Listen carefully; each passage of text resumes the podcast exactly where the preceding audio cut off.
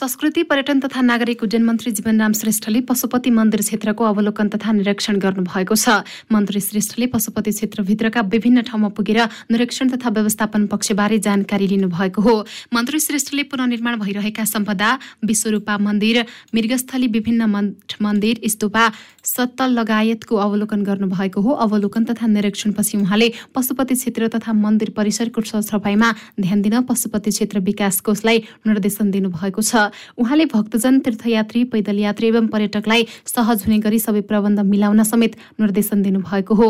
मृगस्थली क्षेत्रमा लिच्छिविकालीन विश्वरूपा मन्दिर पुननिर्माणको अवस्था र घाट व्यवस्थापनबारे पनि जानकारी लिएर उहाँले पानी बिजुली तथा सार्वजनिक शौचालय व्यवस्थापन गरी सहज सेवा प्रवाह गर्न निर्देशन दिनुभयो। सरकारले पशुपति क्षेत्र सुधार कार्यक्रमलाई राष्ट्रिय गौरवको आयोजनाका रूपमा समेत राखेको छ। त्यसै अनुसार पशुपति क्षेत्रको बृहत्तर सुधार कार्यक्रम तथा पुननिर्माणको कार्य भइरहेको कोषका सदस्य सचिव डाक्टर मिलन कुमार थापाले बताउनुभयो। श्रम रोजगार तथा सामाजिक सुरक्षा मन्त्री शेरबहादुर कुँवरले आफ्नो मन्त्रालयसँग सम्बन्धित क्षेत्र उत्साहित हुने गरी आफूले काम गर्ने प्रतिबद्धता व्यक्त गर्नुभएको छ। मन्त्री कुँवरले मन्त्रीको रूपमा आफूले पाएको जिम्मेवारी अस्थायी भए पनि पदमा बसुन्जेल सम्बन्धित क्षेत्रलाई उत्साहित तुल्याउने गरी काम गर्ने बताउनु भएको हो। राष्ट्रिय नागरिक विकास समाजले आज काठमाडौँमा आयोजना गरेको एक कार्यक्रममा बोल्दै उहाँले नेपाल राष्ट्र र नेपाल ली जनताको हितका लागि आफूले सक्दो योगदान पुर्याउने आश्वासन समेत दिनुभएको छ। मन्त्री कुँवरले सरकारलाई सही बाटोमा हिँडाउने काममा नागरिक समाजका अगुवाहरूको भूमिका महत्त्वपूर्ण हुने विश्वास समेत व्यक्त गर्नुभएको हो। मन्त्री कुँवरले देश र जनताको हितमा सबैले आफ्नो आफ्नो क्षेत्रबाट योगदान पुर्याउन जरुरी रहेको पनि उल्लेख गर्नुभयो। सामाजिक क्षेत्रका विविध विषयका विज्ञहरूको राय र सुझावको आधारमा आफूले कार्य सम्पादन गर्ने उहाँको भनाइ छ। राष्ट्रिय स्वतन्त्र पार्टीका अध्यक्ष रवि लामे छानेले ठूला पार्टीका नेताहरूले भ्रष्टाचारीलाई संरक्षण गरेको आरोप लगाउनु भएको छ। राष्ट्रिय स्वतन्त्र पार्टीको लुम्बिनी भेलालाई आज बोटपलमा सम्बोधन गर्दै अध्यक्ष लामी छानेले देशका ठूला दलका नेता र मन्त्रीहरू नै भ्रष्टाचारमा लिप्त भएको भन्दै अब देशको ढुकुटी रोक्न पनि नेपाली जनताले आगामी चुनावमा ठूला दलहरूलाई पाखा लगाउनु पर्ने बताउनु भएको हो। उहाँले ठूला पार्टीहरूले नेपाली जनतालाई आश्वासन मात्र बाँडेर सत्तामा पुगेपछि देशको ढुकुटी सकेको आरोप लगाउनु भयो लामी छानेले ठूला दलका नेताहरूले नेपाली जनताले गर्व गर्न लायक काम एउटा पनि नगरेकोमा खेत प्रकट गर्दै ठूला दलका नेताहरूलाई आउँदो मङ्सिर चारको चुनावमा जनतासँग भोट माग्ने नैतिकता नभएको बताउनुभयो। पछि खुचेको यो देशको ढुकुटीलाई सत्यानाश पार्नेछन् अब राष्ट्रको ढुकुटी रोक्नको निमित्त हामीले यिनीहरूलाई रोक्नै पर्छ किनभने यिनले पाए भने त सम्पूर्ण नदी नाला त खाए खाए भगवान्को गजुरमा रहेको मन्दिरको जलहरी पनि खाएका छन् भगवान्को जलहरी पनि नछोड्नेहरूले देशको राज्य सत्तामा फेरि पनि ठाउँ पाए भने सबै सक्नेछन् र हाम्रा लागि चुनौतीपूर्ण हुनेछ राष्ट्रिय स्वतन्त्र पार्टीबाट चुनाव चिन्ह लिएर जितेर गएका मानिसहरूले कुनै किसिमको भ्रष्टाचारमा संलग्न भयो भने त्यहाँ अरूले गरेछ भनेर म पन्छिन्न त्यो सबैको जिम्मेवारी म लिन्छु अध्यक्ष लामी छानेले आफूहरू चौबिसै घण्टा नागरिकको समस्या सुन्ने वातावरण बनाउने तयारीमा लागेको बताउँदै भ्रष्टाचारलाई न्यूनीकरण गर्न जनताको असली शासन व्यवस्था ल्याउन आफू राजनीतिमा आएको जानकारी दिनुभएको छ। उहाँले विदेशमा रहेका नेपालीहरूलाई समेत भोट हाल्ने अधिकार दिनुपर्नेमा जोड दिनुभयो। नेकपा एमालेका अध्यक्ष केपी ओलीले गठबन्धनले फेरि पनि पाँच वर्ष सरकार चलाए मुलुक अस्थिपञ्जर बन्ने बताउनु भएको छ। आज काठमाडौँमा नेकपा एमाले प्रदेश सम्पर्क कमिटी प्रदेश एक भेलालाई सम्बोधन गर्दै ओलीले एक वर्षको अवधिमा नै वर्तमान गठबन्धनको सरकारले मुलुकलाई सङ्कटको बाटोतर्फ अघि बढाएको भन्दै फेरि पनि पाँच वर्ष सरकार चलाए मुलुक अस्थिपञ्जर बन्ने बताउनु भएको हो। उहाँले देश बचाउन देशलाई अघि बढाउन र देशको विकास गर्न एमालेको बहुमत आवश्यक पर्ने उल्लेख गर्नुभयो। ओलीले यसपटकको निर्वाचन निर्वाचनमुखी महासङ्ग्राम जसरी भए पनि राष्ट्रवादीवादी देशभक्ति शक्तिले जित्नुपर्ने उल्लेख गर्नुभयो। एसपिपीका नाममा विदेशी हतियार भित्राएर नेपाली युवाहरूलाई बर्बाद पार्नेहरूलाई जनताले ठिक पार्नुपर्ने कुरामा जोड दिनुभयो। ओलीले कम्युनिस्ट पार्टी भन्नेहरू एमालेको सरकार ढाल्न काङ्ग्रेसको पुच्छर बनेको पनि तर्क गर्नुभयो। एमालेको सरकार कुनै ब्युटी कन्टेस्टमा ताज एमाले लगाउन खोजिया होइन। यो कुनै कन्टेस्टमा ताज लगाउन खोजिया होइन। यो कुनै प्रतियोगितामा स्वर्ण पदक लिन खोजिया होइन। तर नेकपा एमाले जित्नै पर्छ सरकार बनाउनै पर्छ होइन भने तपाईँ कल्पना गर्नुहोस् त परमादेशको सरकार एक वर्ष चल्दा यो हालत भयो देशको यो हालत भयो। अब यिनीहरूले जनादेश पनि प्राप्त गर्यौँ भन्ने बाहना कतैबाट पाउने हो र पाँच वर्ष यिनीहरूले सरकार चलाउने म्यान्डेट पाउने हो भने यो देश अस्ति पन्जर बन्छ अस्ति पन्जर। स्क्यालेटन हुन्छ यो देश बाँकी रह्यो भने यसपल्टको यो निर्वाचन रूपी महासङ्ग्राम हामीले नजितेर भएको छैन मैले कारण बताएँ। उहाँले समृद्ध नेपाली सुखी नेपालीको आकाङ्क्षालाई पूरा गर्नका लागि एमालेमा जोडिन आह्वान समेत गर्नुभयो। नेपाल समाजवादी पार्टीका नेता डाक्टर बाबुराम भट्टराईले जसपा संकीर्ण क्षेत्रीय दलमा पतन भएका कारण पार्टी पुनर्गठन गर्नु परेको बताउनु भएको छ। आज ललितपुरमा बसेको नेपाल समाजवादी पार्टी पहिलो बैठकलाई सम्बोधन गर्दै भट्टराईले पुरानै धारमा मोडिएको जसपालाई रूपान्तरण गर्ने कोसिस गरे पनि पार्टीलाई विघटन र विसर्जनको दिशातिर लैजाने प्रयास भएको र संकीर्ण क्षेत्रीय दलमा पतन भएका कारण पार्टी पुनर्गठन गर्नु परेको बताउनु भएको हो। जनजाति आन्दोलनहरूसँग मिलेर नयाँ प्रकारको राजनैतिक अभ्यास सुरु गर्न खोजेर समाजवादी र जसपा बनाएर अघि बढे पनि त्यसले मात्रै खोजे जस्तो परिणाम दिन नसकेको उहाँले बताउनुभयो। सडक सदन र सरकार तीनवटै मोर्चाबाट सङ्घर्ष गरेर रूपान्तरणको अभियान अघि बढाउने धारणा राख्नु भएको छ। भट्टराईले निर्वाचन घोषणा भइसकेको अवस्थामा एक्लै वा विचार मिल्ने शक्तिहरूसँग सहकार्य गर्ने भन्ने निर्णय बैठकले गर्ने जानकारी दिनुभएको छ। निर्वाचनका निम्ति सम्भवतः नजिकका विचार मिल्ने शक्तिहरूसँग चुनावी तालमेल गठबन्धनका लागि प्रयास गर्नुपर्ने उहाँको भनाइ छ। वैकल्पिक राजनीति अभियानमा लागेका मानिसहरूले निर्वाचनलाई एउटा सङ्घर्षको साधन नै मान्छौँ हामी। हाम्रो निम्ति सत्ता सबै थोक होइन। सत्ता भनेको समाज रूपान्तरणको एउटा साधन हो। हाम्रा निम्ति सडक सदन र सरकार यी तिनवटै मोर्चाबाट तिनवटै क्षेत्रबाट निरन्तर विविध प्रकृतिका सङ्घर्षहरू गरेर सुधारहरू गरेर रूपान्तरण गरेर मात्रै नेपाली समाजका बाँकी कार्यभार पुरा गर्न सकिन्छ भन्ने हाम्रो मान्यता छ। भट्टराईले नयाँ पार्टीलाई देशव्यापी बनाउँदै जनताले चाहेको रूपान्तरण सहितको परिवर्तनलाई स्थापित गरेरै छोड्ने दावी गर्नुभयो। नेकपा एमालेका महासचिव शङ्कर पोखरेलले वर्तमान गठबन्धनको सरकार थप एक वर्ष कायम रहे मुलुक श्रीलङ्काको बाटोमा जाने बताउनु भएको छ। राष्ट्रिय जनसांस्कृतिक महासङ्घले आज काठमाडौँमा आयोजना गरेको प्रशिक्षण कार्यक्रममा पोखरेलले सरकार अहिलेको अवस्थामा अघि बढे अर्को एक वर्ष विदेशी मुद्राको सञ्चित शून्य अवस्थामा पुग्ने र मुलुक श्रीलङ्काको बाटोमा जाने बताउनु भएको हो। मूल्य वृद्धि नियन्त्रण गर्न नसकेको र जनताको जीवन सहज बनाउन बनाउने काममा सरकार पूर्ण रूपमा असफल भएको उहाँले बताउनुभयो यो सरकारको नेतृत्वमा मुलुकको अर्थतन्त्रको विकास सम्भव नरहेको उहाँले टिप्पणी गर्नुभयो। महासचिव पोखरेलले गठबन्धन मिलेर र मिलेर र एमाले एक्लै स्थानीय तहको चुनाव लड्दा पनि एमालेलाई जनताले अधिक साथ दिएको जिकिर गर्नुभयो। उहाँले सत्ताको विरोध र भण्डाफोरलाई तीव्र बनाए आगामी निर्वाचनमा एमालेका पक्षमा अधिकतम जनाधार निर्माण हुने दावी गर्नुभयो। यो सरकारको नेतृत्वमा मुलुकको अर्थतन्त्रको विकास सम्भव छैन। यसपटकको चुनावको अर्को एउटा ट्रेन्ड पनि छ। जुन ट्रेन्डलाई पनि हामीले विश्लेषण गर्नु जरुरी छ भन्ने मलाई लाग्छ। जनताको झुकाव आम रूपमा संस्थापनका विरुद्धमा देखा पर्यो। र अहिले आउने चुनाव हामी सत्ताका विरुद्ध लड्दैछौँ। जनताको रुझान सत्ताका विपक्षमा रह्यो। र त्यो सत्तासँग हामी चुनाव लड्दैछौँ जुन सत्ता असफल भएको छ। त्यस अर्थमा म तपाईँलाई भन्न चाहन्छु सत्ताको विरोध र भण्डाफोर जति तीव्र बनाउँछौँ नेकपा एमालेको भोटमा त्यति वृद्धि गर्न सकिन्छ भन्ने मलाई लाग्छ।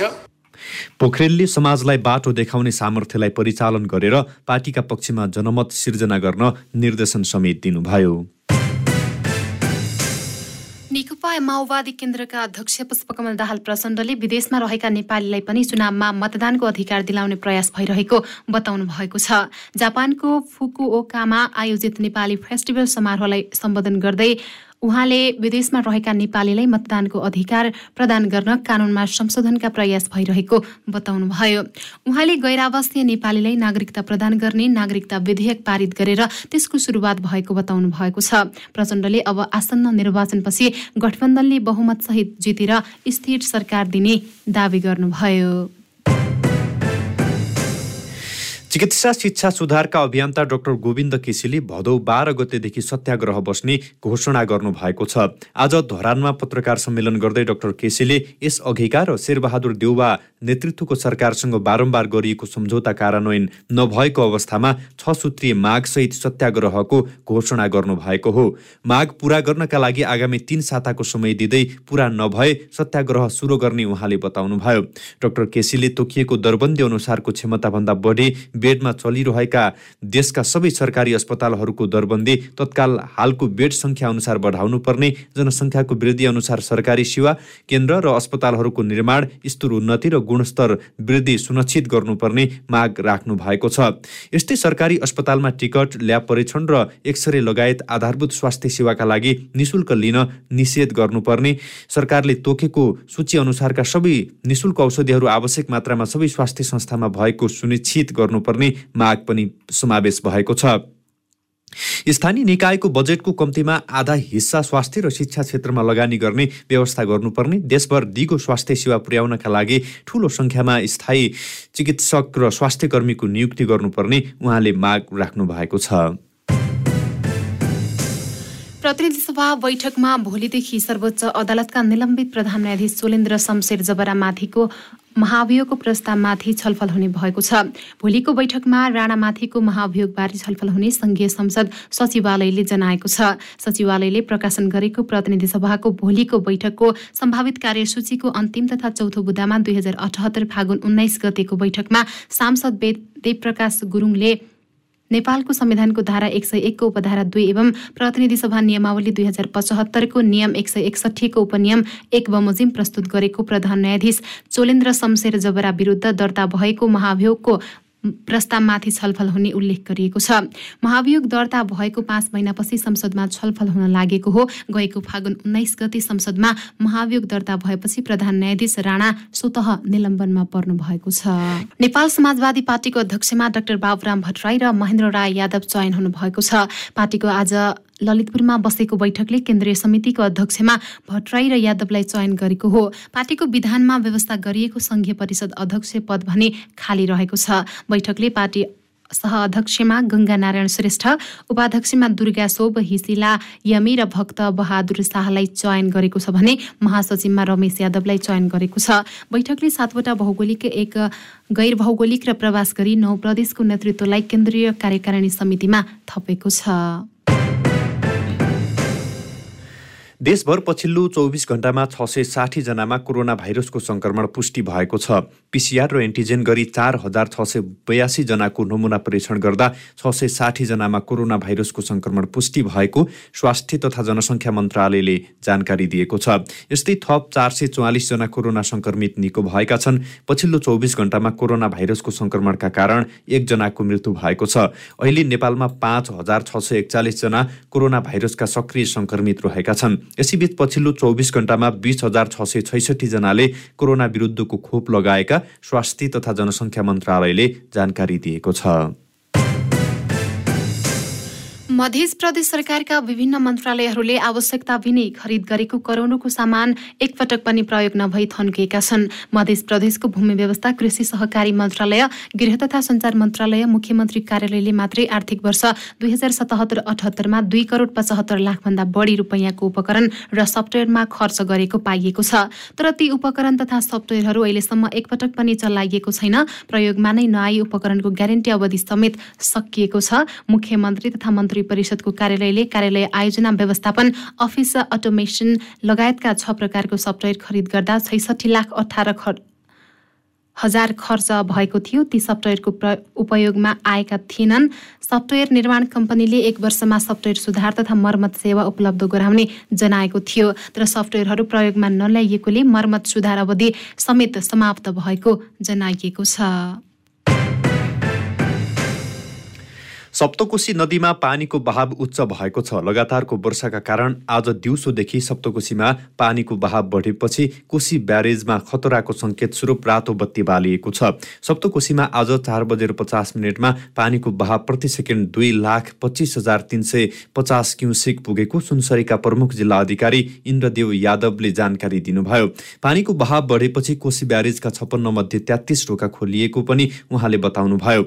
सप्तकोशीमा पानीको बहाव एक लाख पचास हजार क्युसेक नागेपछि खतराको सङ्केत मानिन्छ। भारतको नियन्त्रणमा रहेको कोशी ब्यारेजका सबै ढोका नखोलेका कारण कोशी गाउँपालिका र ब्राहा क्षेत्र नगरपालिकाको खेतीयोग्य जमिन र मानव बस्ती डुबानमा परेको छ।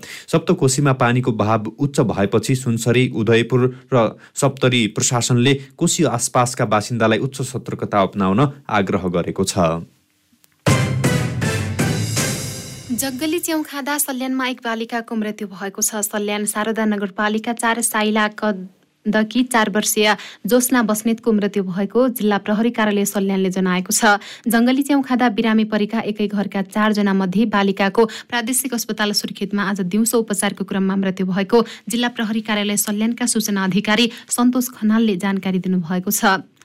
हिजो जङ्गली च्याउ खाँदा शारदा नगरपालिका चार साइला कमदकी चालिस वर्षीय मिना बस्नेत छोरी पच्चिस वर्षीय पवित्रा बस्नेत नौ वर्षीय छोरा जोन बस्नेत र छोरी चार वर्षीय जोस्ना बस्नेत बिरामी भएका थिए। जिल्ला अस्पताल सल्यानमा सामान्य उपचारपछि थप उपचारको लागि प्रादेशिक अस्पताल सुर्खेतमा रेफर गरिएको थियो। उनीहरूका अनुसार जिल्ला अस्पतालबाट रेफर गरिएका बनगाड कुपिण्डे नगरपालिका साथ जयत पानीका एकै घरका अडचालिस वर्षीय भूपबहादुर ओली उनका पैँतालिस वर्षीय श्रीमती मनकाली ओली तेइस वर्षीय छोरा प्रकाश ओली र बुहारी एक्काइस वर्षीय सुशीला ओली र शारदा नगरपालिका चार साइला कमदकी चार गरी आठजना बिरामी भएका थिए जसमध्ये पाँचजनाको प्रादेशिक अस्पताल सुर्खेत कालागाउँ अस्पतालमा उपचार भइरहेको छ। तत्कालका लागि ब्याङ्कहरूले ब्याजदर वृद्धि नगर्ने भएका छन्। मौद्रिक नीति कार्यान्वयनको लागि निर्देशिका जारी गर्दै राष्ट्र ब्याङ्कले निक्षेपको ब्याजदर बढाउनु पर्ने सन्देश दिए पनि ब्याङ्कहरूले तत्काल ब्याजदर नबढाउने भएका भएका हुन्। हिजो बसेको नेपाल बैङ्कर सङ्घको बैठकले तत्काल निक्षेपको ब्याजदर नबढाउने निर्णय गरेको छ। राष्ट्र ब्याङ्कले बुधबार मौद्रिक नीति कार्यान्वयनको लागि एकीकृत निर्देशिका दुई हजार अठहत्तरमा संशोधन गर्दै नीतिगत दर र ब्याङ्क दर परिवर्तन भए ब्याङ्कहरूले निक्षेपको ब्याजदर परिवर्तन गर्न सक्ने व्यवस्था गरेको थियो। रुस र युक्रेन बीचको युद्ध सुरु भए यता विश्वमा बिस्तारै खाद्य सङ्कट देखा पर्न थालेको छ। युद्धका कारण युक्रेनले आफ्नो खाद्यान्न उत्पादन विश्व बजारमा पठाउन नपाएपछि विश्व बजारमा खाद्यान्नको भाउ बढेको छ। विशेष त गहुँ तथा सूर्यमुखी तेल लगायतको सङ्कटका कारण विश्व बजारमा खाद्यान्नको भाउ बढ्नु स्वाभाविक रहेको छ। जसका कारण विश्वका विभिन्न मुलुकले आफ्नो नागरिकका लागि खाद्यान्न जोहो गर्न निर्यातमा कडाई गर्न थालेका छन्। र यसै मेसोमा भारतले पनि आफ्ना नागरिकका लागि खाद्यान्नको जोहो गर्न खाद्यान्न निर्यातमा अङ्कुश लगाएको छ। तर नेपालका लागि भने भारतले खाद्यान्न निर्यातमा कुनै कठोरता देखाएको छैन। नवनियुक्त भारतीय राजदूतले भारतले नेपालका लागि खाद्यान्न निर्यातमा बन्देज नलगाएको बताएपछि नेपालको लागि केही राहत भए पनि नेपालको आफ्नो उत्पादन केही नभएका कारण त्यति उत्साहित हुनुपर्ने कारण त छैन र पनि चाडपर्व नजिकिँदै गर्दा नेपाली उपभोक्ताले भने केही राहत महसुस गर्ने भएका छन्। क्यान्डिड न्युजमा अब अन्तर्राष्ट्रिय समाचार। क्रोएसियामा पर्यटक बोकेको बस दुर्घटना हुँदा बाह्रजनाको मृत्यु भएको छ। एकतिसजना घाइते भएका छन्। पोल्यान्डबाट घुम्न गएका पर्यटक बोकेको बस क्रोएसियाको जरेक विशासकी नजिकै सडकबाट खसेको बिबिसीले जनाएको छ। घाइते भएकाहरूमध्ये केहीको अवस्था गम्भीर रहेको छ। ज्यान गुमाउने सबै पोल्यान्डका वयस्क नागरिक रहेका खबरमा उल्लेख गरिएको छ। उनीहरू बोस्नियाको क्याथोलिक तीर्थस्थल मेदजु गोर्जे जाँदै थिए क्रोएसियाका प्रधानमन्त्री डाभोर बोजनिनोभिकले ज्यान गुमाएकाहरूलाई श्रद्धाञ्जली दिँदै घाइतेहरूको उपचार गर्न निर्देशन दिनुभएको छ। अमेरिकी तल्लो सदनकी सभामुख नान्सी पेलुसीको ताइवान भ्रमणको विरोधमा चीनले अमेरिकासँग जारी जलवायु परिवर्तन सैनिक सम्बन्ध तथा लागू पदार्थ नियन्त्रण सम्बन्धी वार्ता रद्द गर्ने भएको छ। हिजो गरिएका यी घोषणाको निहित उद्देश्य अमेरिकालाई सजाय दिनु रहेको जनाइएको छ। ताइवानलाई आफ्नै अधीन अधीनस्थ भूभाग दावी गर्दै आएको चीनले पेलुसीको हालैको भ्रमणपछि ताइवान नजिकैका सामुद्रिक क्षेत्रका छ स्थानमा सैनिक अभ्यास अगाडि बढाएको छ। क्यान्डिड न्युजमा अब खेलकुदका समाचार। अरहन्त किशोर सिंहले आज दोस्रो वरियताका अमृत थापा मगरलाई सोझो सेटमा हराउँदै चौथो धनलक्ष्मी स्मृति राष्ट्रिय स्क्वास प्रतियोगिताको पुरुष एकल प्रतियोगिताको उपाधि रक्षा गरेका छन्। नेपाल स्क्वायर ऱ्याकेट्स सङ्घको साधोबाट स्थित स्क्वास हलको सेन्टर कोर्टमा भएको फाइनलमा शीर्ष वरियताका अरहन्तले अमृतलाई एघार चार एघार सात एघार छ अन्तरले हराएका थिए। सिंहले ट्रफीसँगै पच्चिस हजार रुपियाँ प्राप्त गरे। उपविजेता अमृतले पन्ध्र हजार रुपियाँ प्राप्त गर्दा सेमी फाइनलसम्मको यात्रा तय गरेका अमिर ब्लोन र दीपक थापाले समान दस हजार रुपियाँ प्राप्त गरेका छन्। नेपाली राष्ट्रिय महिला फुटबल टोलीकी स्ट्राइकर सावित्रा भण्डारी भारतीय आई लिग क्लब गोकुल केरलाबाट एएफसी वुमन्स च्या क्लब च्याम्पियनसिप खेल्न भारत प्रस्थान गरेकी छन्। चोटबाट पुनरागमन भइसकेकी सावित्राले ठूलो प्रतियोगिताको रूपमा यसमा सहभागिता जनाउन लागेकी हुन्। उनी आज त्यसतर्फ प्रस्थान गरेकी हुन्। सावित्रालाई यस सिजनका लागि भारतीय आई लिग क्लब गोकुलम केरलाले अनुबन्ध गरेको थियो। र गण्डकी प्रदेशमा हुने नवौँ राष्ट्रिय खेलकुद प्रतियोगितामा छत्तिस खेलमा खेलाडीहरूले तीन सय तिरानब्बे स्वर्ण पदकको लागि प्रतिस्पर्धा गर्ने भएका छन्। गण्डकी प्रदेशमा असोजको अन्तिम सातामा नवौँ राष्ट्रिय खेलकुद हुँदैछ। खेलाडीहरू तीन सय तिरानब्बे रजत तथा छ सय एक्कासीका लागि भेट्ने भएका छन्। राष्ट्रिय खेलकुद परिषद राखेपको गत साता भएको बोर्ड बैठकले चार सय सात खेल इभेन्ट्स समावेश गर्ने निर्णय गरेको थियो। सोही अनुसार प्रत्येक टोलीलाई तीन सय उनाचालिस महिला र तीन सय उनासत्तरी पुरुष खेलाडीको कोटा समेत निर्धारण गर्ने निर्णय भएको थियो। प्रतियोगितामा सात प्रदेश तीन विभागीय र एक एनआरएन टोलीले भाग लिने राखेपले जनाएको छ। सहभागी टोलीमध्ये सर्वाधिक स्वर्ण जित्नेले नवौं राष्ट्रिय खेलकुदको उपाधि उचाल्नेछ राखेपले पन्ध्र भदौभित्र खेलाडी संख्या र पच्चिस भदौसम्म नाम दर्ता गराइसक्नुपर्ने सहभागी टोलीहरूलाई पत्राचार गरिसकेको छ।